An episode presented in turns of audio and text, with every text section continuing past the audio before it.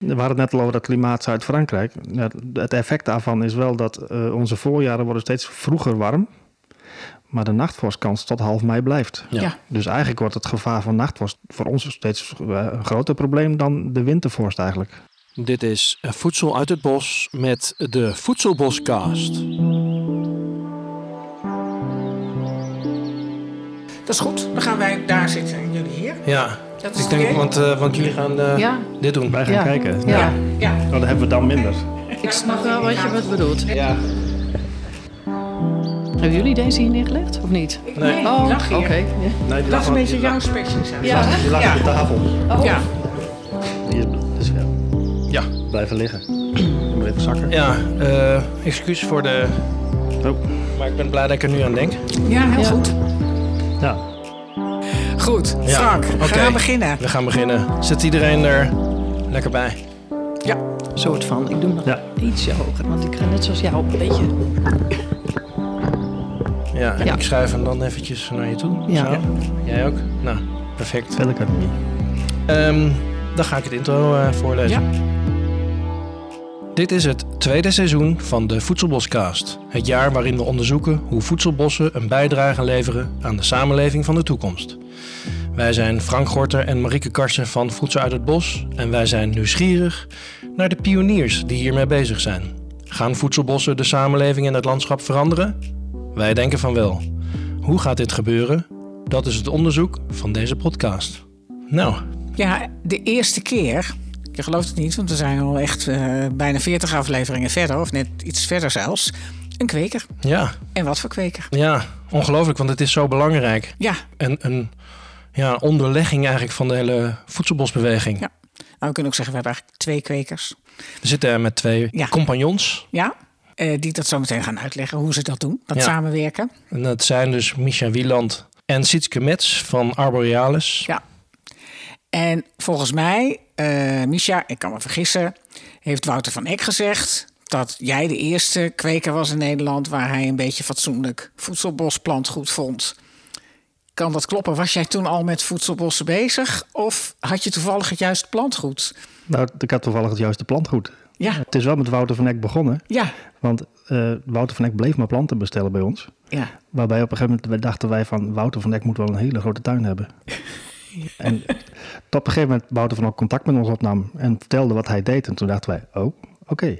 Voedselbos, laten we dat eens opzoeken. Ja, Allerlei planten die wij kweekten bleken gewoon eetbaar te zijn. Terwijl wij dat zelf niet wisten. oké. Oké. En, en toen waren jullie ook al samen bezig? Ja, dat klopt. Ja, Ja, ja. we kweekten volop. Maar we zaten niet zo richting die voedselbosplanten. Veel meer, ja, onze gedachten gingen uit naar sierplanten. Mooie bomen, mooie struiken. Ja, En ja. af en toe wel, ja, van sommige planten weet je wel... oh ja, daar kan je misschien nog wat mee doen. Of iets anders dan een appel of een peer. Maar nee, zo gedetailleerd, dat, eh zo ver waren wij nog niet. Nee, en dat eh, hebben we het over 2009, 10, die Eh. kant op. Toen begon hij. Toen begon hij, ja, toen, rond die tijd begon hij te kopen. En eh, ja, veel planten die hij kocht, had- kweekten we al lang als sierplant. Ja. Ja. En het bekendste voorbeeld daarvan is de Franse uiensoepboom. De Franse uiensoepboom. Is dat Ja. een leuke sierplant trouwens? Dat wist ik niet Het is een hele mooie sierboom. Ja, ja. Maar Ja. daarvoor werd hij heel weinig gebruikt. ja. Oh, grappig. En dat eetbare stuk, zat het daar toen al in? Dat zat er toen al in. Wij kochten ook al, eh, het- nou, ver daarvoor al planten bij Martin Crawford. Ja. Om gewoon ons eigen eetbare sortiment uit te breiden. Maar nooit met het idee van agroforestry. Nee, of voedselbos. Maar toen kon je nog planten kopen bij Martin Crawford. Dat kan dat. dat nou ja, dan moeten we Ehm. het zo ook maar zo hebben over al die hele ingewikkelde wetgeving. Maar Dat, dat gaat nog steeds, maar dan moet, daar komen zoveel eisen bij dat dat gewoon lastig wordt. ja, ja. Om het vandaar hierheen te Ja, krijgen. er is sindsdien best wel wat veranderd. Ja, Ja. Daar, daar gaan we het denk ik vandaag ook wel een beetje over hebben inderdaad. De brexit. Ja, nou ja, al die gekkige met plantenpaspoorten. Nou ja, dit- wat je als kweker allemaal moet doen tegenwoordig. Ja. Maar jullie het, het- het kweekte toen al hoe lang samen als kwekerij? Arborealis is in 2001 begonnen. Kijk, Maar daarvoor waren wij al, eh, ook al aan het kweken. Al een, een jaar of drie, vier denk ik, Misha. En dan wij is jij met Misha. Ja, Ja. ja. we hebben de tuinbouwschool gedaan in Frederiksoord. ja, En eh, hebben wij ehm, stage gelopen in het buitenland. En kregen wij eigenlijk via een omweggetje kregen wij een, een vraag van... joh, willen jullie, als je zo meteen die teeltopleiding hebt gedaan... willen jullie dan niet een stukje land eh, huren? En hebben wij eh, hebben dat ja, toegezegd. Ja.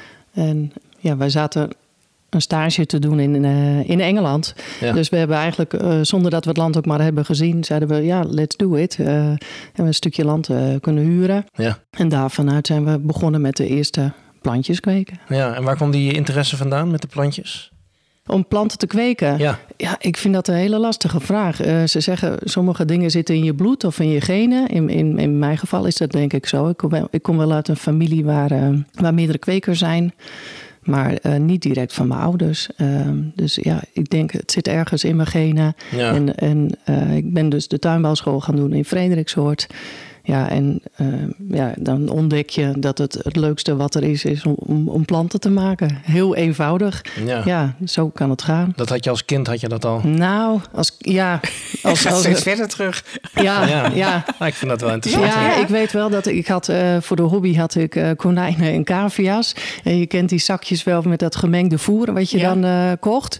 En dan ging ik de zonnebloempitjes ging ik eruit halen en die ging ik zaaien. Oh. Dan kon ik zonnebloemen maken. Dus Ja, dat ja, denk wel het wel. Dan Ja. zit het denk wel. het wel. Dan ik zit het erin. hoor. Nee, Ik heb jij niet nooit gedaan. Gehad, nee. nee, nee. Ik heb het altijd gewoon aan de beesten gevoerd. Ja. Ja.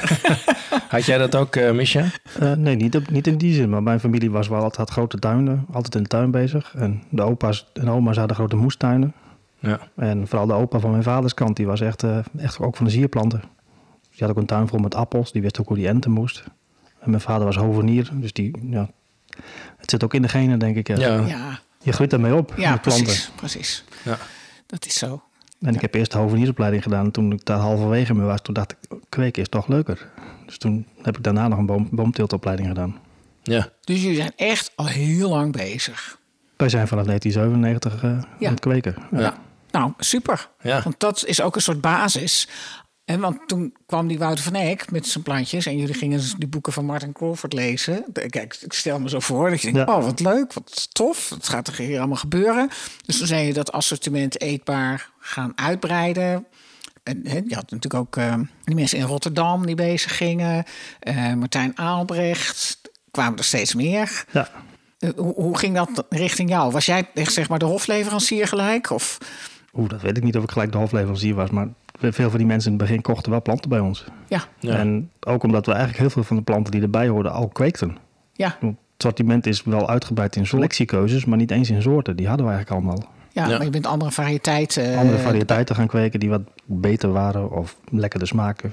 Ja. En als, als ik dan een grote sprong voorwaarts maak naar nu, dan en kijk op jullie website, dan is het Arborealis.nl, dan is er een voedselbospoot en een paard- en plantpoot. Het is misschien goed om dat er even toe te lichten hoe dat zit. Ik kijk gelijk uh, naar Sietske. Naar mij, ja. Ja. ja. ja. dat klopt. Eh, de- we hebben...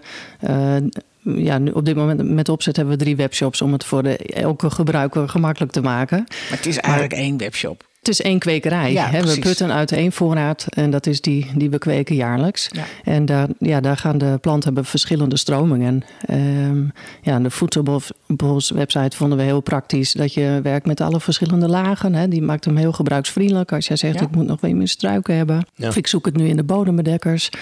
Maar ehm, ja, paard en plant is later gekomen. Dat, ja, dat is een stukje. Ik, ik had het al over die dieren. Dat is bij mij altijd wel een beetje gebleven. En om, ja, mijn motivatie was heel erg om voor, voor paarden specifiek om ook te kijken van. eh, en, eh, ja, wij kunnen hele mooie planten gebruiken om te eten. Maar wat is er eigenlijk voor hun? Hoe leeft het paard in de natuur? En, ehm, ja, en vergelijk dat eens met hoe wij daarmee omgaan. Ja, dat staat niet. En dat klopt eigenlijk helemaal niet, dat plaatje. Dus daar wou ik iets doen met planten. Je bedoelt het bestaande plaatje van het paard in het weiland? Ja, ik denk, ik zie dan eh, heel veel eh, paardenweilandjes. eh, een, een, een mooi van het raaigras. en, geen keuze in soorten, daar al niet. Nee. Een, een stroomdraadje eromheen. En dat is het leefgebied van het paard. En daar Ja. moet hij het mee doen. En zijn er dan klachten, dan denken we aan, aan, aan pilletjes of poedertjes of Ja. supplementen. Maar voor mij, die basis, die klopt niet. En een paard wil ehm, ja, ook zijn, zijn rondje doen en planten bij elkaar scharrelen. Dus dat is ook behoefte aan vezels hebben en, en variatie. Dus Ja. dat... eh, Nou ja, ik, ik luister best wel in, ook in Frankrijk naar al van, van die agroforestry podcast. En die hebben het ook over koeien zelfs. Hè? Voederhagen voor koeien. Dat, Ja. Dus dat het concept voederhaag eh, is best in opkomst. klopt. En dat is eigenlijk ook waar jij dan aan denkt. Dat je Eigenlijk, dus hagen maakt. Dat kan, dat kan Ja. in de vorm van hagen zijn, maar je kan het ook nog groter zien van hoe woont jouw paard? Woont Ja. hij in een paddock of staat hij op stal? Of heeft hij een, een gebied waar hij ja, op onderzoek kan en, en waar hij, eh, als het heet is, kan eh, kiezen voor een plek in de schaduw? Ja. Of ehm, Ja. eh, dat je planten gebruikt die misschien een beetje insectenwerend zijn. Het, het, het totaalplaatje. Ja. Ja. Dus ook een soort van een eetbaar systeem, maar dan Eetbaar systeem, voor de- het maar voor de Dus- paarden. Ja. Dus er zijn een kwekerij die zich bezighoudt met, met planten die lekker eetbaar zijn voor het leven. Ja. Ja, Dus ook bijenplanten, systeemplanten, dat hoort er ook allemaal bij.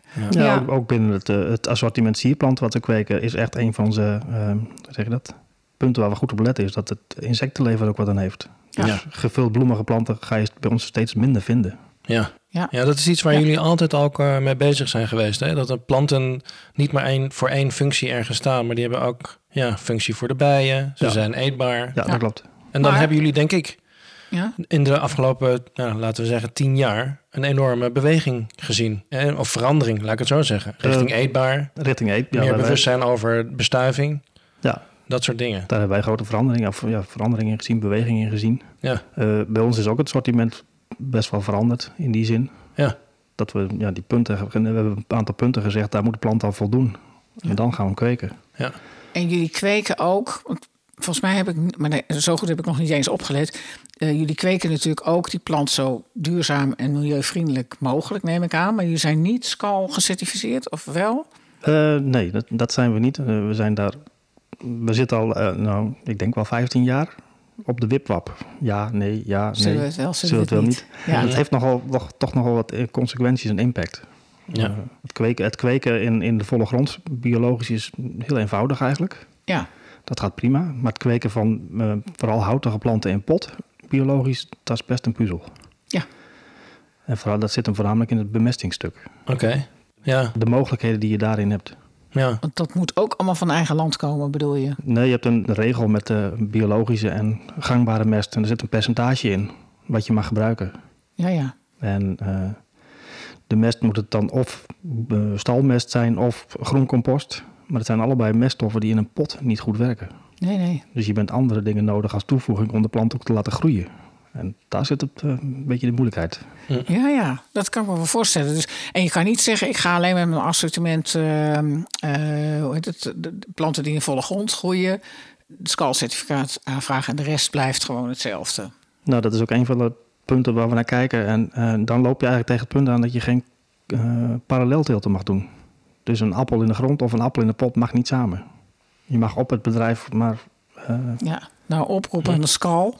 Maak het eenvoudiger, want dat is natuurlijk eigenlijk voor, voor heel veel, eh, ook die voedselbossen die dus nu overwegen om, om biologisch te gaan, die mogen dus inderdaad ook alleen maar biologisch plantgoed kopen. ja, het is eigenlijk dat eh, sinds, sinds twee of drie jaar is de teelt van planten in pot toegestaan.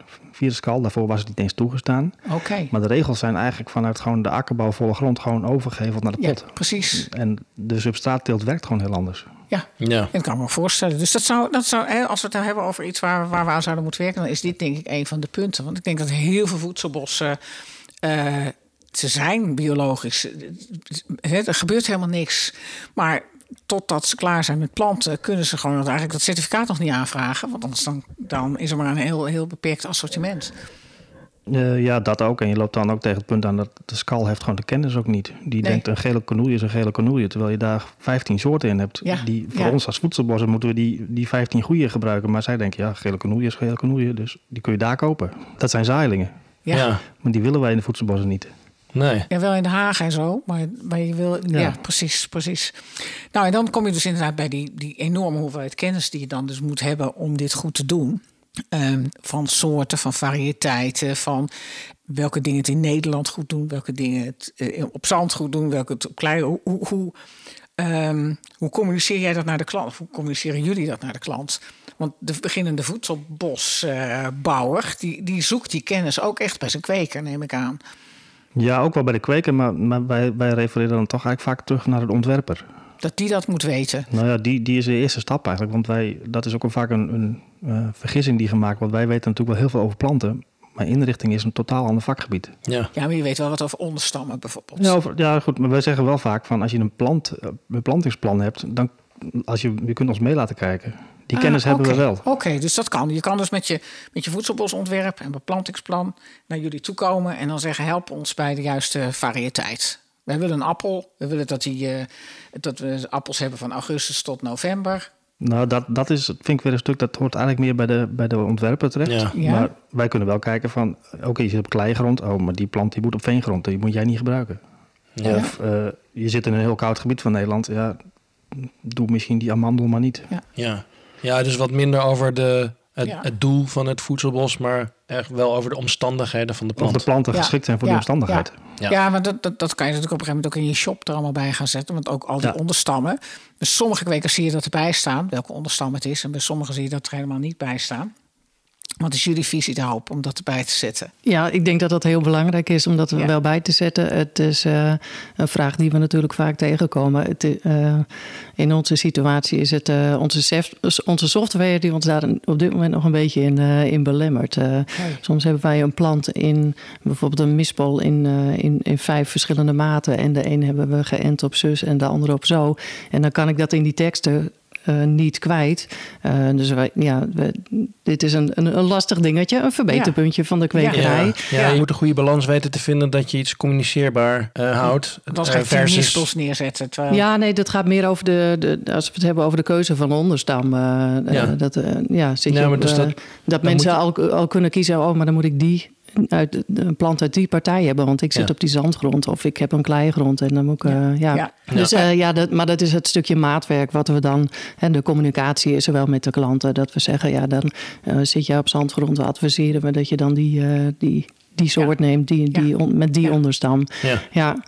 Ja, Maar nee, het is ook grappig hoor, want wij gingen op een gegeven moment die vermeerderingscursus geven. Nou, daar was jij natuurlijk bij de eerste eh, versie was jij daarbij. En toen hoorde ik dat eigenlijk ook voor het eerst. Van die, hè, ik, rolde er ook maar gewoon als leek in, in die voedselwereld. Oh ja, onderstammen, soorten van laagstam, ah, mid en hoog had ik dan wel.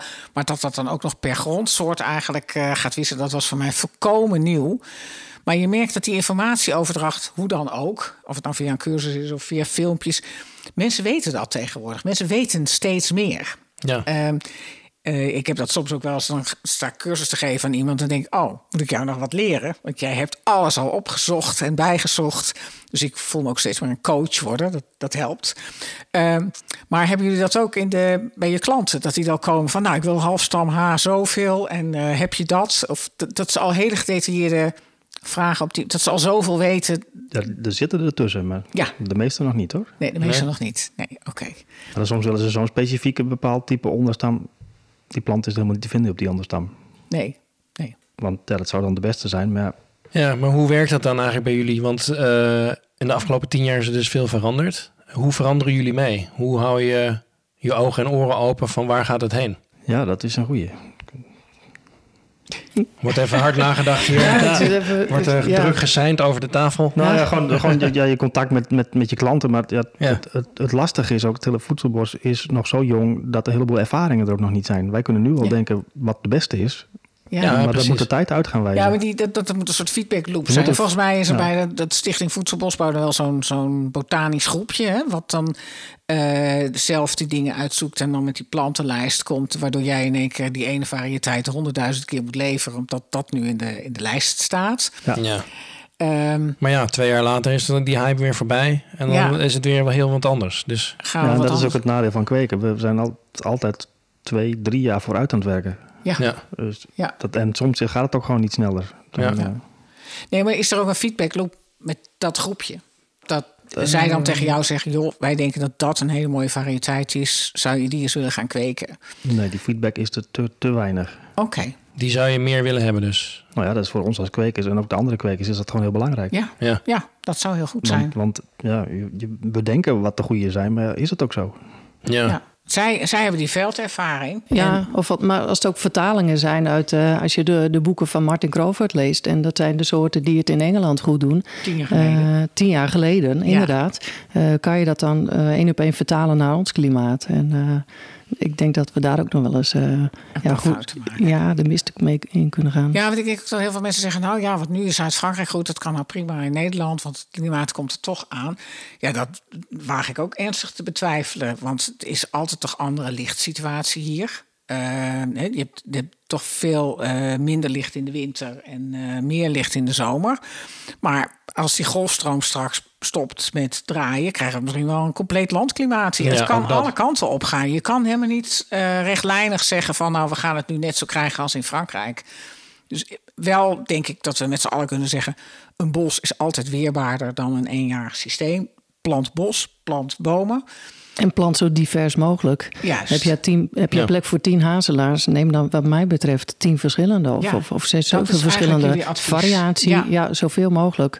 En, dat, en, en, en dan, dan tackle je ook gelijk het probleem. eh, krijg je last van een ziekte of een plaag? Nou, misschien de ene soort dat meer dan de ander. Kan je nog weer terugvallen. Ja. Hetzelfde met smaak. Hè? Ja. Eh, Ja. Zeg je, oh, of, of deze hazelnoot die, eh, ja, die, die, die is hartstikke, hartstikke lastig eh, te doppen of te, te kraken. Hoe noem je zoiets? Ja, Eh, ja, Ja. Hè, ja. dan, eh, dan heb je er hele, en dan heb je er toevallig net eh, 25 van uitgeplant. Ja. Ja. Ja. Ja. en dan heb je ook nog wat mensen wat moeten snappen van kruisbestuiving bij sommige soorten. Die Ja. kennis zal ook wel de ene keer wel en de andere keer helemaal niet aanwezig zijn bij eh, klanten. Ja, ja dat klopt. Ja, dat merk ik dat dat nog ook wel best wel overgeslagen wordt. Wij- proberen dat in onze cursus toch altijd heel duidelijk een blok aan de bloemetjes en de bijtjes te besteden. Ja. Maar je ziet toch dat mensen daar maar half op letten. Terwijl het ontzettend belangrijk is dat je, dat je begrijpt welke soorten eenhuizig, tweehuizig eh, met elkaar kunnen doen. Of eh, zelfbestuivend zijn. En toch dat je dat liever niet hebt, eigenlijk. Zelfs al zijn ze zelfbestuivend. Toch liever nog een vreemdeling erbij. Eh, de, nou ja, de kruisbestuiving geeft gewoon altijd betere opbrengst. Ja, Ja. nou, bijvoorbeeld. Ook goed om dat een keer te zeggen. Maar goed, dat hebben, hè, dus die feedback zou, zou beter kunnen wat jou betreft, of jullie betreft. Dat je ook uit het veld meer hoort van nou, die heeft meer last van ziekte en plagen en, en motjes en, en al dat soort beestjes.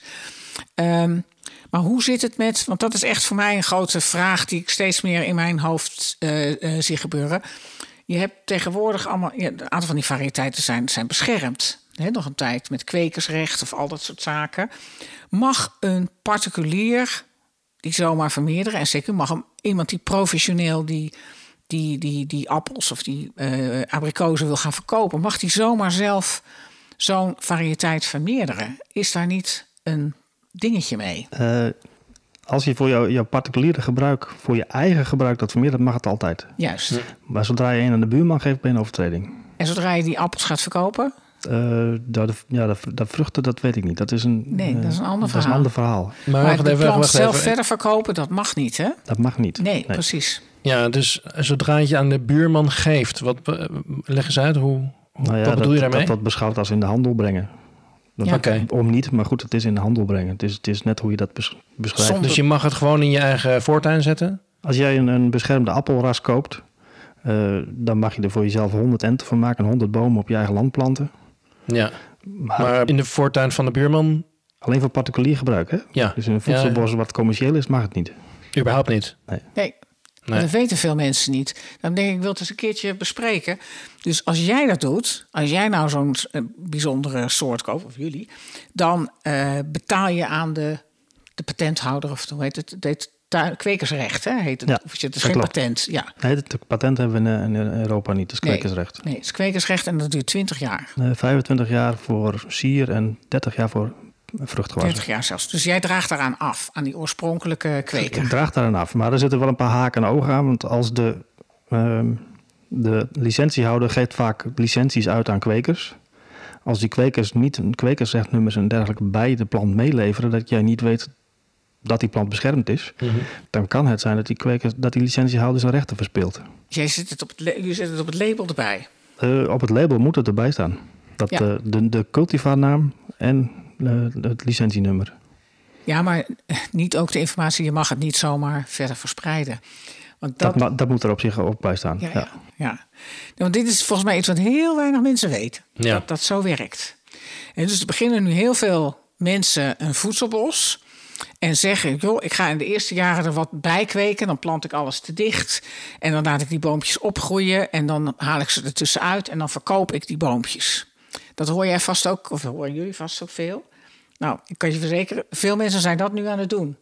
Die kopen die boompjes en willen dat dan weer verkopen. Of gaan daar zelf op enten en willen, willen weer verkopen. Maar ze zijn er nog geen erkend officieel kweker. Dus dan mogen ze dat misschien ook wel helemaal niet. Of moeten ze dan ook als ze niet die licentie hebben, dat gaan afdragen? Nou, als ze de planten gekocht hebben met een licentie, dan mogen ze ze gewoon verkopen later. Ja, Dat maakt niet uit. Maar zelf vermeerderen, produceren en doorverkopen mag niet. nee. Oké. En dat is dat En dat is- dat- plantpaspoort eigenlijk. Nee, dat is weer wat Dat anders. is weer wat anders. Kijk, zie je? Nee, nee dat, dat, en ehm, in de vruchtgewassen heb je soms ook nog dat de licentiehouders bepalen dat alleen de vrucht verkocht mag worden. Ja. En dat je daar per kilo of zo voor gaat betalen. Ik weet niet precies hoe dat werkt, maar er zijn, er zijn ook appelsoorten die, die mogen niet eens vermeerderd worden. Die, zijn, die zitten bij drie licentiehouders in Europa.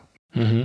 En wat is, de, is dat gewoon alleen maar een commerciële Dat is reden? bescherming. Ja. Kijk, hoe meer jij dat verspreidt, dat anderen dat mogen gaan vermeerderen, hoe moeilijker jij jouw recht kunt doen gelden. Mhm. Want je, Ja.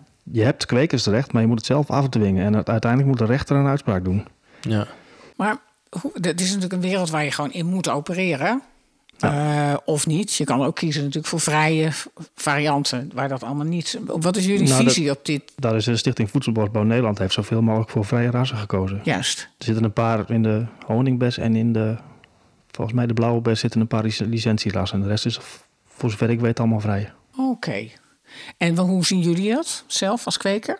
In het verleden hebben wij het met siergewas hebben we het wel gedaan. Hè? Dat we zeiden, oh, een, eh, dit is een hele mooie soort. We vragen een, eh, het recht aan om hem te mogen kweken. Maar inmiddels is er eigenlijk geen enkele plant meer die wij nu kweken. Dus die is zo is. visie. Ja. Ook zoveel mogelijk die vrije soorten en eh, rassen. Ja, soms Ja. Is, is er een plant die er ook heel veel op lijkt. Die vergelijkbare eigenschappen heeft. Die we gewoon mogen kweken. Ja, doe je Ja, die toch? dan nou, doen we dus dat. Ik snap het. Maar dan is het dus niet zo dat ik stiekem eh, allemaal licenties in mijn voedselbos zet. en dan vervolgens een probleem heb. Bij- Als ik bij Oh jullie nee koop. als, je, nee, als je de soorten koopt en aanplant, Ja. is, er, is er geen probleem. Er geen- nee. Als je ze maar niet Zit zelf je het met stukje vermeerderen en En weer. Ja. Ja. Ja.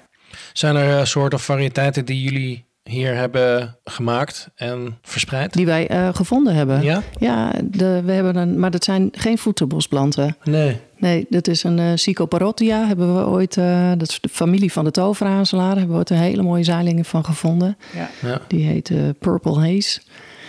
Ik zit even te denken, wat is die andere ook weer? Weet jij het nog, Misha? Uh, Calicanthus, uh, Oh ja. Floridus Foxy Lady. Ja. Een, een, Oh ja. een, uh, specerijstruik met een rood blad. Oké. Oh, feitelijk, dat is wel een... eh, Dat is een voedselbladplant. ja, Ah, Dus hebben jullie de zeiling van gevonden. En daar zijn jullie degene van die hem hebben opgekweekt en in de Benaamd, benaamd. hebben. Maar benaamd hebben verder zelfs. geen, geen licenties of dingen. Dat, Nee, nee, daar zijn nee. de planten niet grootschalig genoeg voor. Nee, Nee. nee. Oké, en dan nog even voor mijn begrip dat plantenpaspoort. Dat plantenpaspoort is een ander ding. Dat Ja, is een, wat is eh, dat? ehm, wat is dat? Ehm, nou, de plantenpaspoort is er eigenlijk gekomen met de, omdat met internet het zo gemakkelijk is om binnen Europa allerlei planten te bestellen. En met drie muisklikken kun je een plant uit Italië hierheen krijgen. Ja, En eh, dat is eigenlijk bescherming van de planten in, in Europa. Eigenlijk in Italië heb je een groot probleem met Xylella. Dat is een bacterie die in de eh, olijvengaten zit, waar Ja. olijfbomen van doodgaan. Waarvan een aantal, best wel veel planten ook drager kunnen zijn.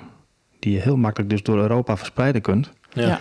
En het plantenpaspoort zorgt ervoor dat heel makkelijk teruggevonden kan worden waar die plant vandaan komt. Ja, dus eigenlijk dat paspoort bestaat eigenlijk eh is anders. hoofdzakelijk uit bescherming van, van de planten tegen schimmels en bacteriën uit, eh, uit andere landen. nou, maar ik snap het nog steeds niet. Want hoe Nou, beschermt dat dat dan? Het, is, nee, het beschermt hem niet, maar het kan eh, heel snel voorkomen Ja. dat het te snel dat het verspreidt. Eh, twee jaar geleden was er een partij rozemarijn in Portugal die was besmet. Die is via Nederland naar Denemarken gegaan. En binnen drie dagen was de hele partij getraceerd en vernietigd. Juist. Door dat plantenpaspoort. Dus jullie moeten ook een plantenpaspoort hanteren of geven bij een, bij een plant. Eh, ja, Dat is een uniek nummer. dat, dat het nummer moet herleidbaar zijn naar de plant of de bestelling. Of, Maar jij moet ook, eh, dat gaat ook print bij het zaad of bij het stekje of bij. Waar begint het? Daar zit mijn punt een beetje van hoe begint zo'n plantenpaspoort? Hoe dat begint? Ja, Eh, ja, bij, bij, het bij het zaad. of de En stek. dat- dat is al- heeft ook al een maar de, de, de paspoort. producent moet gewoon aangesloten zijn bij de NAC Tuinbouw. ja, Voor keuringen. Ja. En dan krijg je van de NVWA krijg je een, een nummer wat je voor je plantenpaspoorten mag gebruiken. en dan pas ben je een kweker die planten mag verkopen. Überhaupt. Eh, ja, er zit ook weer een maar aan. Als jij alleen particuliere verkoop doet vanaf, het, vanaf je eigen erf... Dan en mag het nooit wel. aan een hovenier of een kweker of een postpakket of zo verstuurt... dan hoef je geen plantenpaspoort. Ik heb hem rond. Het is Nou, verkoop op, voor verkoop op afstand en, naar de, Ja. en eh, zakelijke markt. Ja. Ja, sorry, dit Ja. waren zo die dingen die zitten dan bij mij al een tijdje te Wat is dat dan precies? En daar dient deze podcast ook voor. Ja. Om dat soort vragen te beantwoorden. Ja, sorry, luisteraar, als u het niet helemaal niet interessant vond. Maar toch denk ik dat het ook iets is wat mensen moeten weten als ze voedselbossen beginnen. Nou ja, ook als je een kwekerij begint, dan komt echt wel veel meer bij Dan kijken dan alleen een plantje Ja. kweken. Ja, Ja. En maar zijn er ook eh, bewegingen die jullie zien dat dit het voorkomen eigenlijk van verspreiding van schimmels en bacteriën wordt dat steeds strenger? Of want eh, ja, je ziet natuurlijk vaak bij dit soort dingen dat het dan elke keer weer nog iets strenger wordt, nog meer restricties, regeltjes. Of wordt het juist vrijer? Dat zou ook kunnen. Nou ja, ik denk dat dit ook zorgt dat de vrijheid er blijft. Dat we kunnen blijven handelen door Europa. ja. Ah ja. Ja. want je kunt het terugvinden als het misgaat. Als het Ja. misgaat, en ik waarschuw altijd wel mensen van... pas op met eh, amandelen bewijzen van... eh, die zijn heel gevoelig voor die xylella. Mhm. Ja, koop die niet in het zuiden en ah, importeer ze hierheen. Blijf met dat soort planten ook lokaal kopen, want Ja. het verspreiden van die ziektes gaat te snel anders. Ja. Ja. Ja, maar ik ben ook niet van plan om een plant uit Nederland naar Frankrijk mee te sjouwen. Ik denk, Nee. gewoon in Frankrijk. Dat is, eh, ik denk toch het slimst. Ja, zeker. Met plagen wel, dan zitten er gelukkig, of gelukkig, nou ja, niet gelukkig, maar voor ons zitten de meeste schadelijke plagen zitten meer in het zuiden van Europa. Ja, dus ja. het is andersom. Het is, ja. het is wat meer andersom, maar Dus ik moet juist planten uit Nederland meenemen naar Frankrijk. Kijk, oké. eh, Ja. Maar goed, de- de- toen, toen we die vermeerderingscursus begonnen, die eerste versie met ons samen, toen zei je van nou, er is echt enorm behoefte aan kwekers. Nou, dat, dat beaamden wij. Dat, hè, er komen steeds meer voedselbossen, maar ook steeds meer hagen. Steeds meer mensen beseffen dat we bomen in de grond moeten zetten. Dat was toen, denk ik, drie jaar geleden. Ehm, zie jij dat al veranderen? Of zien jullie dat al veranderen? Dat er meer kwekers komen, dat het wat rustiger wordt bij jullie? nou, je, nou, je ziet niet, niet, niet echt meer echt specifieke voedselboskwekers komen, wel een aantal. Maar het zijn voornamelijk meer de, gang, de kwekers die al gangbaar waren, die wat aan het omdraaien zijn. Ja, ja. Die gaan dus van gangbaar Nou, naar voedselbos. Nou ja, dat? die gaan hun gangbare planten in voedselbos promoten. Ja. En dat is niet altijd dat je denkt van dat zijn de, de betere planten daarvoor. Maar het commercieel is, is voedselbos gewoon op dit moment gewoon een goede verkoopmanier. Ja. Als dat niet meer verkoopt, dan draaien ze zo weer bij naar de andere kant. ja, dus je zegt eigenlijk dat dat doet af aan de kwaliteit, wellicht. Dat kan. Ja. Als je een voedselbospakket ziet, dan denk je, oh, dat koop ik goed.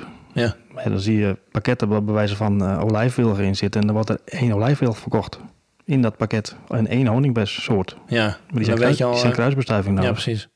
Dan weet je al dat het niet helemaal eh, goed zit. dat Ja. gaat niet helemaal goed komen, nee. Nee. nee. Nee. Maar ehm, ja, er zijn waarschijnlijk wel meer kwekers bijgekomen. Er zijn een aantal kwekers bijgekomen. Ja. Ja. En, Maar het is nog steeds. Ik eh, hoor, ik het, is, het is nog steeds klein. En, maar goed, wij zijn, we zeiden, we zijn in 1997 begonnen. Ehm, wij konden ook pas tien jaar later echt, we konden zeggen, we konden een van ons eh, stoppen met de bijbaan. zo ja. langzaam gaat het. Als je, Zo lang gaat het als je dat sortiment wilt gaan kweken. ja. Ja. Het is niet zo dat je gelijk op gang bent. En eh, Nee. Nee. En waar ben je dan voornamelijk mee bezig in het begin? Is dat het opbouwen gewoon van het assortiment? opbouw van het assortiment, eh, fouten maken, Fouten maken? daar leer je veel van. Ja. Afnemers vinden. Afnemers vinden? Ja. Dat is dus tegenwoordig niet zo moeilijk. Is op dit moment het probleem niet. Nee, Nee, nee, nee, nee. Daar hebben wij wel eens last mee gehad hoor. Ja, in Ja. het begin natuurlijk wel. Want Ja. toen was dat allemaal Ja. nog helemaal niet aan de orde. Maar nu, Nee, de internet was er niet. nee, precies. Dat scheelt ook, dat scheelt ook enorm. Ja, daarmee kan je ook heel snel je bekendheid eh, neerzetten. Ja. Ja. Maar dus denk je dat er nog steeds een rol is dan? Of is er een rol voor jou om misschien ook kwekers te begeleiden, jonge kwekers te begeleiden, om dat wat beter te doen? Die, ja, die rol zou er wel zijn, maar Ja, de tijd is een beetje een, eh, tijd is lastig. een, beetje een ander ja. ding. Het, het zal wel heel belangrijk zijn, want we, we zien het inderdaad. Er, het is een enorm gat. Ja. Er, is, er zijn geen jonge kwekers eh, in opkomst. Dus wij hopen ook wel ergens dat het, eh, als het vanuit de, de, de voedselboswereld komt, dat, oh, hè, want daar zien we dat de jongeren natuurlijk bezig, Ja. of nou niet alleen maar, maar dat daar ook de jongere generatie zich, zich beweegt. Ja. Eh, als die zeggen van hé, eh, dit, wat is dit mooie plantenkweken? Eh, Ja. Ik denk dat ze er zijn. Ik denk Ja, dat er denk echt veel ook. mensen nu Ja. op het idee komen dat ze dat willen doen. ja, Eh, maar, vanuit de dus opleidingen is dit heel lastig. die vragen die ik nu heb, ik denk dat, dat heel veel mensen dat helemaal niet in de gaten hebben. Hè, die komen niet van de tuinbouwschool af, zoals jullie. Die doen een voedselboscursus of een vermeerderingscursus en willen van daaruit in één keer dat vak inrollen. als je bij onze cursus kijkt, zitten er gewoon mensen die hebben neurowetenschappen gedaan. En die denken, nee, dit wordt hem toch niet. Ik wil een baan waarin ik veel meer met mijn handen bezig ben. Dus die zij-instromers, dat zijn vaak hele goede, gemotiveerde, leuke mensen. Maar die hebben natuurlijk feitelijk nog geen flauw idee waar ze aan beginnen. Anders dan wanneer je toch een soort van agrarische opleiding hebt gehad. Is, is, schets ik daar het probleem een beetje mee? Want dat zien jullie natuurlijk ook. Dat als er mensen zeggen van ik wil eens meedraaien of het iets. Nou ja, ze onderschatten hoeveel tijd het kweken kost en wat je eigenlijk als je alleen bent op een dag maar kunt doen. Ja. Uh, en uh, een aantal die ik zie die ook heel enthousiast zijn, ze willen te veel tegelijk. Ja. En kijk, wij kweken dit allemaal, maar wij hebben meer dan 25 jaar ervaring. En ja. hoeveel mensen lopen hier rond? Uh, we hebben zeven, acht, acht medewerkers. Ja, ja, dat is echt wel veel. Ja. Ik, ik, zag een kantine, dus ik denk, nou, dat ga ik ook nog even vragen. Je hebt alleen een kantine als er mensen in, zitten. Niet als je met z'n tweetjes bent. Nee. nee. Ja. we hebben het heel lang met de keukentafel kunnen doen. Hoor. Maar ja. Uh, ja, de laatste jaren is, is de kwekerij wel heel erg gegroeid. En dan heb je meer handen nodig. Ja. Ik, hoor, ik hoor je dus ook een oproep aan mensen om uh, misschien het, uh, het vak kweken te beginnen. Ja, met een hele dikke uitroepteken Met een hele dikke ja, uitroepteken. Ja, maar wat, er is hoe ziet plek zat en hè, voor kwekers, voor meer kwekers. En, ja. uh, maar hoe ziet een dag eruit van een kweker? Uh, van een kweker op dit moment? Uh, ja.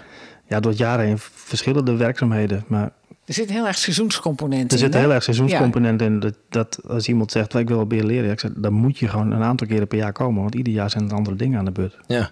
Maar als je schetst van zeg maar een, ja, een, pak een seizoen. Hoe ziet zo'n dag eruit? Nou ja, in het najaarseizoen, uh, als het leveren begint en je kweekt een plant in de volle grond, dan ben je eigenlijk de hele dag plant aan het rooien. Ja. En inpakken. En inpakken. En wegwezen. Ja. En uh, als je planten in potten kweekt, dan ga je in deze tijd bezig met planten klaarmaken voor de winter. Ze kunnen niet allemaal buiten blijven staan. Ja. Dus dan ben je een kast nodig om beschermd de winter door te helpen. Ja, en dan in de winter krijg je ook uh, een stuk... De, in de winter uh, heb je enten, winterstekmaker, ja. zaaien. vermeerdering, zaaien. Uh, nou hebben we ons ook terreinonderhoud, snoeien. ja. Over hoeveel enten per dag heb je het? Um, nou, dat, dat kan nogal variëren. Het ligt Ja. aan de ervaring van de enter en hoeveel ondersteuning die heeft. Ja. Kijk, als het als een soort vrij gemakkelijk gaat en ik heb ondersteuning dat de mensen om me heen uh, alle voorbereidende werkzaamheden doen, dan kan ik meer dan 100 enten per uur maken. Ja. Maar we hebben die ondersteuning niet, dan gaat mijn productiviteit naar 40, 50 per uur terug, maximaal. En als, je, en als je begint, dan ben je al blij als je 20 per uur redt. Toen jij begon, uh, ja, had je natuurlijk een veel lager aantal dan uh, als je nu uh, bezig bent. Oh, toen was ik blij dat ik er 15 had gedaan. Ja, precies. dus gewoon, dat is ervaring opbouwen en, Ja, en, en, en en, dat en het, hand, en het handwerk kunnen. Dat kan Ja. ook niet iedereen. Nee, dus dat is echt, dat onderschatten mensen snel natuurlijk ook. Hoeveel werk het zo'n potje klaarzet, potje vullen, eh, potmix maken, eh, misschien zelfs nog. Nou ja, een, gem- een gemiddelde ent. Wij, wij, wij enten in de winter en dan eh, potten wij die in het voorjaar heel veel op in kleine potjes of in de grond. Maar voordat we dat proces hebben, dan heb je die plant nou, 12 tot 15 keer beter gehad al. Jemig. Hmm. Ja. En dan verkopen ze nu tegenwoordig ook steeds kleiner. Vroeger waren ze natuurlijk groter. Tenminste, dat is wat wij ook altijd horen. Dat plantjes steeds kleiner worden. Is dat bij jullie niet zo? Is het altijd 60 tot 80 centimeter geweest? nou, wij zijn, wij, 40 wij- tot we 60. hebben het zo net al over de biologisch kweken gehad. Wij zijn twee jaar, drie jaar geleden echt overgegaan op wel op die wijze kweken. Eh, Bemestingstechnisch klopt het nog niet helemaal. Maar ja, dat geeft gewoon veel minder groei. Als je ze op, in de volle grond kweekt Nou, of in de pot. of in de pot. Ja, ja. De, voorheen hadden we osmocote, een kunstmestkorrel die heel gedoseerd afgeeft. ja. Daar werden de planten gewoon 40 tot 60 procent groter op. In hetzelfde seizoen. En nu heb je, Eh, organische meststof in de pot. En omdat je toch aan, aan richting, richting biologisch wil gaan. Ja, precies. En dat scheelt. Dat scheelt enorm. Ja. Ja. En wat betekent dat voor de plant uh, uiteindelijk? Ehm, een groot deel van de planten zal- is ook gewoon sterker, weerbaarder. Ja. Voor een aantal soorten maakt dat niet zoveel uit. Maar je ziet dat een, hele- een, ik denk wel 60% van de planten wordt er veel weerbaarder van. Dus misschien wat minder groei in het begin. Minder groei in het begin, maar ook minder uitval. Ja. Dat hij gewoon minder, ja, minder stress Ja, heeft. Ja. Ja, maar is- dan komen we gelijk op dat punt dat mensen zetten dan he- toch wat te kleine plantjes vaak nog in, in toch wel wilde grasomstandigheden. Dat is natuurlijk heel droevig, ook om als kweker te zien dat er veel uitval is. Heel actueel onderwerp. Ja, Ja. we zien dit inderdaad. We bezoeken ook wel eens voedselbossen en dan schrikken we wel eens. Dan, en dan zien we die planten omgeven door ja, akkerdistels of eh, brandnetels. En dan, dan heb ik altijd even een momentje van... oh, oh nee, uh, mijn plantjes, uh, ja. hè, hoe gaat dit goed? En uh, op de kwekerij gaan we daar, ja, kijken we er toch, iets, toch wel iets anders naar. Dat, dat de plant misschien toch wel wat meer ruimte nodig heeft. En ja, en je, gaat, je, je, je brengt enorme concurrentie voor de plant aan. En dat kan voor sommige bomen pikken dat wel op en groeien er wel doorheen. Maar we zien ook wel eens plantjes die, ja, die daar niet tegen bestand zijn. Die zijn nog te jong. Die zijn nog te klein of te langzaam groeiend. En in die vegetatie, hè, als, je, als jij uh, uh, grasvegetatie hebt en daar, daar plant jij iets in, dan heb je ja, verschillende problemen waar je te mee, mee te maken kunt krijgen. En dat kan zijn omdat er in het gras bijvoorbeeld veel meer uh, slakken leven. Dat die denken, hé, hey, een, een lekker jong blaadje. Een lekker sappig blaadje van het een of het ander. En, en uh, een, een plant die uitgeplant is, heeft toch altijd een. Ja, die moet omschakelen naar. Dus die heeft altijd maar ja, zo, misschien ook wel een beetje stress. Hè? En, en dat, dat weten die slakken dan weer. Maar uh, ook de grond is, is, is toch heel anders. Als jij een, een graszode hebt en je denkt: ik maak een plantgat, ik plant daar iets in en het groeit wel door. Uh, dat is niet in alle gevallen het geval. Nee. Hè? Um, nee. ja. ja, denken we dat het toch misschien beter is om wel met een zwarte grond te beginnen. Dus dat de grond bewerkt wordt en dat het. Hè, komt er ja. daarna uh, vergrassing, bijvoorbeeld aan het eind van de zomer, terwijl je hebt in het voorjaar uit uitgeplant, dan is dat een heel ander verhaal. Dan, dan is zo'n plant al op gang. Ja. Dus die, uh, die eerste start is toch wel heel belangrijk. Dus eerst even toch een beetje omploegen, zeg maar, op die plek. En dan de plant uh, erin. En dan hopen dat het eerder oppakt dan het gras. Ja, je hoeft het niet is. per se zwart te houden. Hè. Je kan ook wel met, uh, met, met dat je de grond gaat inzaaien met het een of het ander. Dat is prima. Maar dit, het eerste stukje is heel essentieel. Ja. Ja. ja. ja. ja. En ook de, de totale hoogte van de plant kan natuurlijk ook wat zeggen. Als een plant al boven dat gras uitkomt met zijn fotosynthese, is natuurlijk een ander verhaal als wanneer die kleiner is. Ja, en, en natuurlijk is, is zo'n plant zelf een pionier. Dan, dan kan hij daar veel beter mee omgaan. Ja. Hè? Uh, een, een, jong berkboompje of een els heb, zal er uh, heel anders mee omgaan dan een. Uh, Assimina triloba. Hè? Die, Ja, die, ja. die, die het liefst onder die hogere vegetatie, hè? Die, Ja. die het liefst onder het berkje wil groeien. Ja. ja. Nou, dat zie je dus de laatste tijd ook steeds meer in alle opleidingen terugkomen. Dat mensen eh, leren dat ze eerst die pioniers moeten planten. ja. Ik denk En dat dat heel belangrijk Ja, is. en dan later de, de duurdere soorten eh, pas. Ja. Dat scheelt ook. Hetzelfde ook voor de kruidlaag natuurlijk. Hè? Ja. Ga alsjeblieft geen kruiden in een, in een grasrijk eh, stukje Nee. uitplanten. Nee. Dat, eh, Nou, en hoe, eh, hoe gaan jullie om met het advies daarin? nou, wat ik zei, we adviseren toch wel om, om de plant eh, ja, optimaal de meeste kansen te geven. En dat is eh, wat ons betreft toch wel een, eh, een, st- een startpunt met zwarte grond. Ja, Ja. Ja, maar ik bedoel eigenlijk eh, naar de klant toe. eh, probeer een beetje uit te vinden hoe ervaren iemand is. Mm, Niet altijd. Nee, Kijk, je moet je voorstellen, die bestellingen komen binnen eh, bij ons en wij, Nee. wij, wij, kennen de situatie Ja. niet. Nee, dan- nee, dan, nee, eh, wij komen niet ter plekke en kijken mee. En eh, Nee. nee, dat is eh, helaas niet het geval. Dat, eh, Maar dat zou dus wel iets kunnen zijn in de communicatie.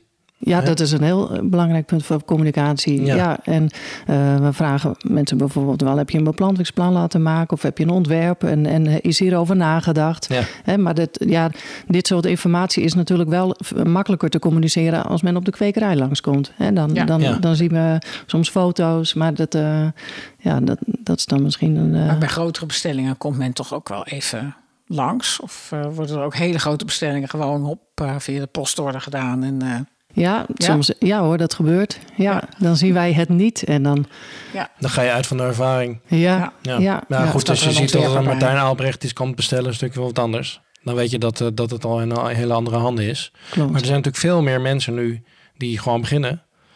En ehm, ja, soms, soms is er wel een, een, even een, via de mail of zo even een conversatie. En dan merken we soms, oh, maar deze hebben helemaal geen idee wat er, eh, hè, hoe het zit of, of wat ze überhaupt gekocht hebben. En dat, eh, ja, nou ja, dat, is nog wel wat winst. die grote projecten van Stichting Voedselbosbouw, Duurzame Door, die be- bestellen toch ook bij jullie, neem ik aan. En, Ja, dat klopt. en dat zijn, die krijg je ook op tijd binnen. En zodat dat je dat plantgoed op tijd kan leveren. Ja, dat klopt. want Dat krijgen we op, dat die bestelling krijgen we op tijd binnen. Maar daar zie je nog wel dat dat, dat ook gewoon soms in de ruigte terechtkomt. En eh, wat ook nog niet te sprake geweest is, maar wat een groot probleem in Nederland is, is nachtvorst.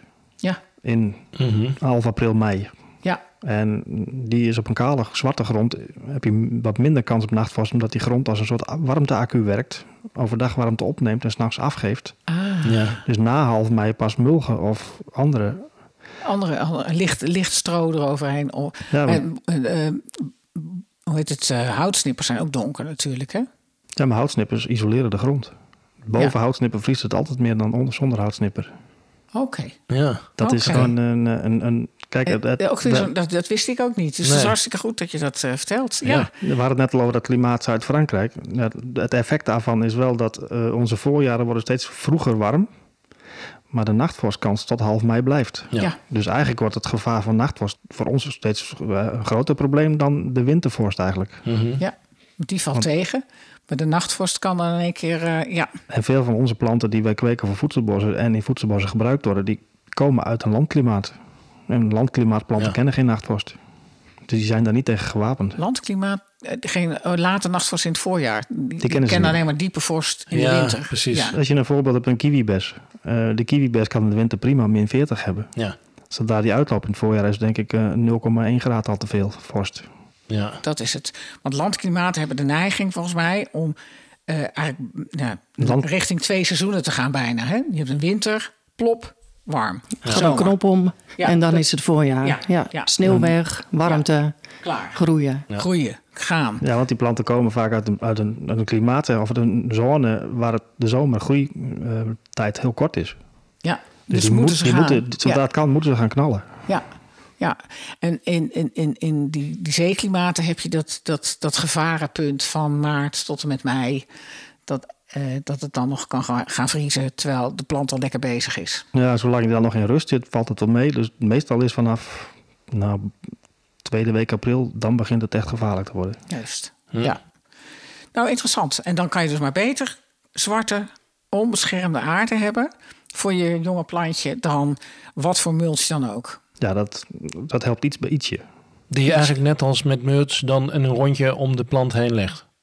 Of hoe... eh, of Nou ja, Nee. eigenlijk, Houdt gewoon kaal. eigenlijk moet je het kaal halen. Want Ja. die, die kale grond die neemt zo overdag met een zonnige dag heel veel warmte op. Ja. En dat geeft die s'nachts af. Ja. En kijk, eh, als je 4 graden, 5 graden nachtvorst krijgt, gaat dat niet helpen. Nee. Maar als je een ochtendvorst krijgt van 1, 2 graden, kan het net zijn dat, dat, Precies. dat het genoeg is om die plant te helpen. Ja. Ja, die je die winter geplant hebt. Zeg Precies, maar. Daar ja. gaat het over. Hè? Je, Daar gaat plant, het over. je planten in de winter. En dan zou je die mulches pas na half mei eigenlijk moeten neerleggen. Ja. Dat is jullie advies. Nou, dat is volgens mij een ontzettend belangrijk advies. Heel handig. Fijn. Dankjewel. Je ziet natuurlijk ook wel steeds meer variëteiten die het wel hier doen. Of die ja, gemaakt worden op eh, de winterhardheid. Of de voorjaarshardheid, moet je het dan eigenlijk zeggen. Zie je daar eh, verandering in komen? Nee, want dan hebben we het inderdaad, wat jij zegt, dan hebben we het meestal over winterhardheid. Ja, winterhardheid. Daar hebben we het En over. winterhardheid wordt een steeds minder groot probleem. Dat winters van 20 graden vorst hebben we, bijna, hebben we niet meer. Nee, maar eh, nee, is er ook niet beweging in die voorjaarshardheid? Of hoe ik dan ook moet noemen, hoe heet dat eigenlijk? Nou, dat zijn Ehm, planten die uit een zeeklimaat komen. Dan, dan moet je Ja. andere planten gaan gebruiken. Want Ja. als die plant van, met zijn genen uit een landklimaat komt, nou, dan moet je heel erg veel kruisingswerk gaan doen om dat eruit te krijgen. Ja, nou, maar dat gebeurt natuurlijk wel. Ik ken het voorbeeld niet. Nee, nee. dat kruisen zijn we natuurlijk... eh, Het kruisen wel, maar Ja. ja. de, die, die, die, in die kiwi zit gewoon dat hij niet tegen nachtvorst Nee. kan. Dan kun je die kiwi gaan kruisen wat je wilt. Maar Nee, maar goed, het klimaat verandert. Het wordt hier warmer. Het zou natuurlijk heel interessant zijn dat die voorjaarshardheid, om maar zo te zeggen... eh, dat zou heel interessant zijn. Maar, ja, Maar maar goed, dat, dit is een ander punt. Maar kan je ook... Nee, dat, die, die, dat is een jonge plant. Ik ga nog even door. In de fruitteelt dan gaan ze het allemaal besproeien, toch? Dat, het, eh, dat er een laagje vorst op de plant kan. Of kan dat bij die hele jonge dingetjes nog niet? eh, dat kan, maar dat Ja. kost enorm veel water. Ja. Eh, wij doen het op onze kwekerij ook, maar er staan heel veel planten op een klein oppervlak. Dan als, ga je je, als je je voedselbos inplant, ja, dan, nee, dat gaat ja, niet. dat gaat nee, niet. maar jullie gaan dan wel. Jullie doen dat wel. Jullie gaan dan s'nachts eh met de sproeier in de, in de, in de weer. Maar dat gaat gelukkig allemaal automatisch. Ja. Gelukkig. Gelukkig, gelukkig En liggen. stoken, dat doen ze toch ook allemaal bij de fruitteelt? Hè? Ja. Maar goed, ik word al altijd s'nachts wakker hoor. Want ik denk, ik moet altijd even kijken of hij wel aangegaan is. ja. Zo handig Ja. dat je er vlakbij woont. Ja. Dat is toch fijn. Ja. Ja. Ja. ik zit een beetje ook eh, op te letten. Hè, Ja. Van hoe, hoe lang we al bezig zijn. Dus eh, ja, we zitten al op 50 minuten. Het is zover. Ja, Ja, die dan vraag laatste ik altijd Ja. aan jou van... eh, heb jij nog een eh, mooie laatste vraag? Ja, die had ik van tevoren zelfs bedacht. Ja. Eh, je bent dus sinds 2009 zijn jullie bezig. Eh, doe eens even een gok. Hoeveel hectare voedselbos hebben jullie aangeplant, denk je? Ah, dit is een onmogelijke vraag. Maar het is toch, hè, nee, jullie hebben het niet aangeplant, maar de plantgoed geleverd voor. Dat is waarschijnlijk toch echt enorm. Maar moeten we het dan eerst over de definitie hebben hoe groot een voedselbos? Want wij leveren ook heel veel aan ja, eetba- eetbare tuinen. en eh, dat, ja. dat gaat natuurlijk. Nee, het eh, enige waar je wat mee kan is de hoeveelheid planten die je per jaar levert. Ja, hoeveel kweken we, of, of hoeveel planten eh, van ons totaal assortiment zijn voedselbosplanten? Want dat is Ja, natuurlijk ook, we kweken ook nog steeds die sierplanten. Hè? De, Ja, maar ik, wil het eigenlijk, ik weet dat je het niet kan maken. Nee. Ik weet, dat weet ik van tevoren al bij deze vraag. Ja, Maar het is wel om even het belang van kwekers aan te geven. Eh, we willen dat de hele wereld eh, Vergroent. vergroent en bossen komen. ja, En als er geen kwekers zijn, dan gaat het gewoon niet gebeuren. Dus, die, die, die- hè, dus ik weet dat eh, deze kwekerij verantwoordelijk is geweest voor, nou, met gemak, honderden hectares, duizenden hectares misschien wel. ik durf dat niet te zeggen. Nee. Zou het? Ja, Nou, honderden hectare zeker, maar duizenden. honderden zeker. Duizenden, Want je ja. hebt het dus over, over, over 12, 13 jaar. ja. Ja, dat is is natuurlijk alsmaar steeds harder gegaan. Maar het zou leuk zijn, ik geef het even als tip... Dat dat jullie dat gaan, gaan uitzoeken, die data. Dat je op een gegeven moment kan zeggen... nou, dit jaar eh, zoveel duizend meter. Nou, als we een, een strenge winter krijgen met heel veel sneeuw, gaan wij Ja, dat ga voor je- jou doen. Ja. Nou, je kan het in je software inbakken. Hè, dat je gewoon per plant vastzegt... nou, die is zoveel. Nou, dan doen we een uitval van 50% Dan zou dit ongeveer het getal moeten kunnen zijn. Want het inspireert natuurlijk wel. Klopt, Dat een ja. kweker op een gegeven moment zo hè, kan bijdragen aan zoveel meter eh, bos. En ook richting investeerders. Eh, die, willen, die zijn dol op data. Dat zijn allemaal van die datatijgers. Die, Ja. ja. Maar goed, ik dacht die vraag ik- ik- Ja. is meer ook een uitnodiging. Maar Ga dus zo een- eens denken. Een variatie op die vraag is... ehm, eh, wij vragen eigenlijk aan iedereen... hoe ziet het landschap van onze toekomst eruit? Nou ja. Maar in dit, in dit geval is het leuk om te vragen... hoe ziet het voedselbos er van de toekomst eruit? Hè, want eh, ja, je kan er met een voedselbos natuurlijk vele kanten op. Ja, heel veel kanten. Ja. Wat, wat, wat, hoe het voedselbos van de toekomst eruit ziet. Ja, eh, ik, denk dat je, ik, denk, ik denk dat je wel een, een, een strengere scheiding gaat krijgen tussen het romantische en het agroforestry idee. Ja. Je bedoelt, eh, je krijgt echt eh, productiebossen. Productiebossen en eh, waar je met een groep mensen, vereniging, gezin van kunt leven. Ja. Die eigenlijk ook in het boerenlandschap eh, een plaats Die krijgen. plaats krijgen in het boerenlandschap. Ja. Ja, waardoor dat gewoon gevarieerder gaat worden. Ja. Ja. En dan heb je de romantische bosjes, eh, bossen, gericht op beleving, op eh, nou ja, smaken. Belevingsmaken, ve- veel, veel, veel verschillende variaties. Ja. Wat, wat voor commercieel gebruik gewoon moeilijker is. Ja. Ja, maar voor in je achtertuin natuurlijk juist Voor je hartstikke achtertuin leuk. hartstikke leuk. En er komen hele leuke achtertuinen aan. Ja. Ja. Dat, eh, dat, kun, dat durven wij zo ook wel te voorspellen. Ja. Zie jij dat ook zo? Ik zie dat wel zo, ja. ja. Ja. ik zeg minder gras, meer voedselbossen. Ja. En eh, ja, het landschap is er dan toe. Hè. We zijn gewend aan, aan die hectares vol raaigras. En, en, en waar zijn de hagen en waar zijn de heggen en waar is... eh, waar is hè. Ja, dus we zijn er naartoe. dieren En, nog schuilen ook? Ja, Ja, ja, ja. klopt. En dat, dat, dat is in Nederland nog heel weinig in discussie. En dat, dat eh, geef ik even mee uit Frankrijk. Daar zijn ze er allemaal van overtuigd dat ze hagen in moeten zetten om eh, die koeien weer eh, schaduw te geven. In één keer is dat Ja. daar gewoon helemaal hip. Dat is wel grappig. Ja, Ja. Ja, ja. dat, eh, ja, maar dat is niet alleen de dieren die ervan eten... maar ook de dieren die erin leven. In die hagen en in die vo- voedselbossen. En eh, die, eh, ja, die hebben geen plek nu. nee, het is de Dus dat, grootste no-brainer van deze tijd. Zet je hagen neer. Ja, En dan kan je nog hè, vinden dat uitzicht. En, maar een, een haag, plantbomen en planthagen. ja, ja. En eh, over smaken gesproken, wat vind jij het, het lekkerste wat uit het voedselbos komt? Ugni Moliné. Ugni Moliné. Ugni Moliné. Ja, dat vind ik zo lekker. Ja, Ugni Moliné. Ugni, ja. Ugni heeft, eh, en die zit ook nog lekker vers in, eh, in mijn geheugen. Want hij heeft heel laat in het seizoen heeft hij gedragen. Dat is eh, ergens in oktober. Ja. Geeft hij een besje. Het heeft zoveel smaken die je niet herkent in ander fruit. Dus, sommige mensen zeggen een beetje blauwe bes. Sommige, er zit wat aardbei in. Het is een hele bizarre, fruitig klein vruchtje. Hm, Misschien moeten we die in de voetnoot zetten. Ja. Nadat we hem zelf meegenomen hebben. Ja, misschien kan ik jullie nog een beetje laten proeven. Ja. En jij, Ja, leuk. Wat vind jij het lekkerst? Nou, ik kan me daar wel bij aansluiten eigenlijk. Ja? Ja? Echt niet. Dat is wel de bijzonderste smaak die wij denk ik hebben. Ja. Het was, eh, ze, ze stonden hier in de verkoop. Er zei iemand bij van, oh, dit lijkt wel een bubblegumstruik. Nou, er hing echt Oh. zo'n bubblegum lucht omheen. Ik hoor al een nieuwe Franse ijssoepboom Ja. eh, hype komen. De bubblegup. eh, Het is alleen, bubblegum. hij is iets minder ruim toepasbaar, want hij, de winterhardheid, als het echt koud wordt, is wat minder. Nou ja. Dat komt uit Chili. Ja, goed. Nou, Hè, hartstikke leuk in meer Frankrijk. landinwaarts. Dat Ja, gaat prima. prima. In Ja. Frankrijk gaat het zeker. Ja. Ja. nou, leuk. super. Ja. Ik vond het een hele mooie aflevering. Waar Ja. ik weer heel veel van mijn ja, vragen zomaar zijn beantwoord. Dank Ja. jullie wel. ja, dank jullie wel. Alsjeblieft. voor dit mooie gesprek. Ja. De Voedselboscast is een concept van Marieke Karsen en Frank Gorter. Techniek, editing en de muziek is gedaan door Frank Gorter. Verder danken wij de rest van de organisatie van Voedsel uit het Bos, Anje Poortman en Joep van der Wal. Mochten er luisteraars zijn die deze podcast willen ondersteunen, dan wordt het erg op prijs gesteld, want we zoeken nog sponsors. Stuur een mailtje naar info@voedseluithetbos.nl.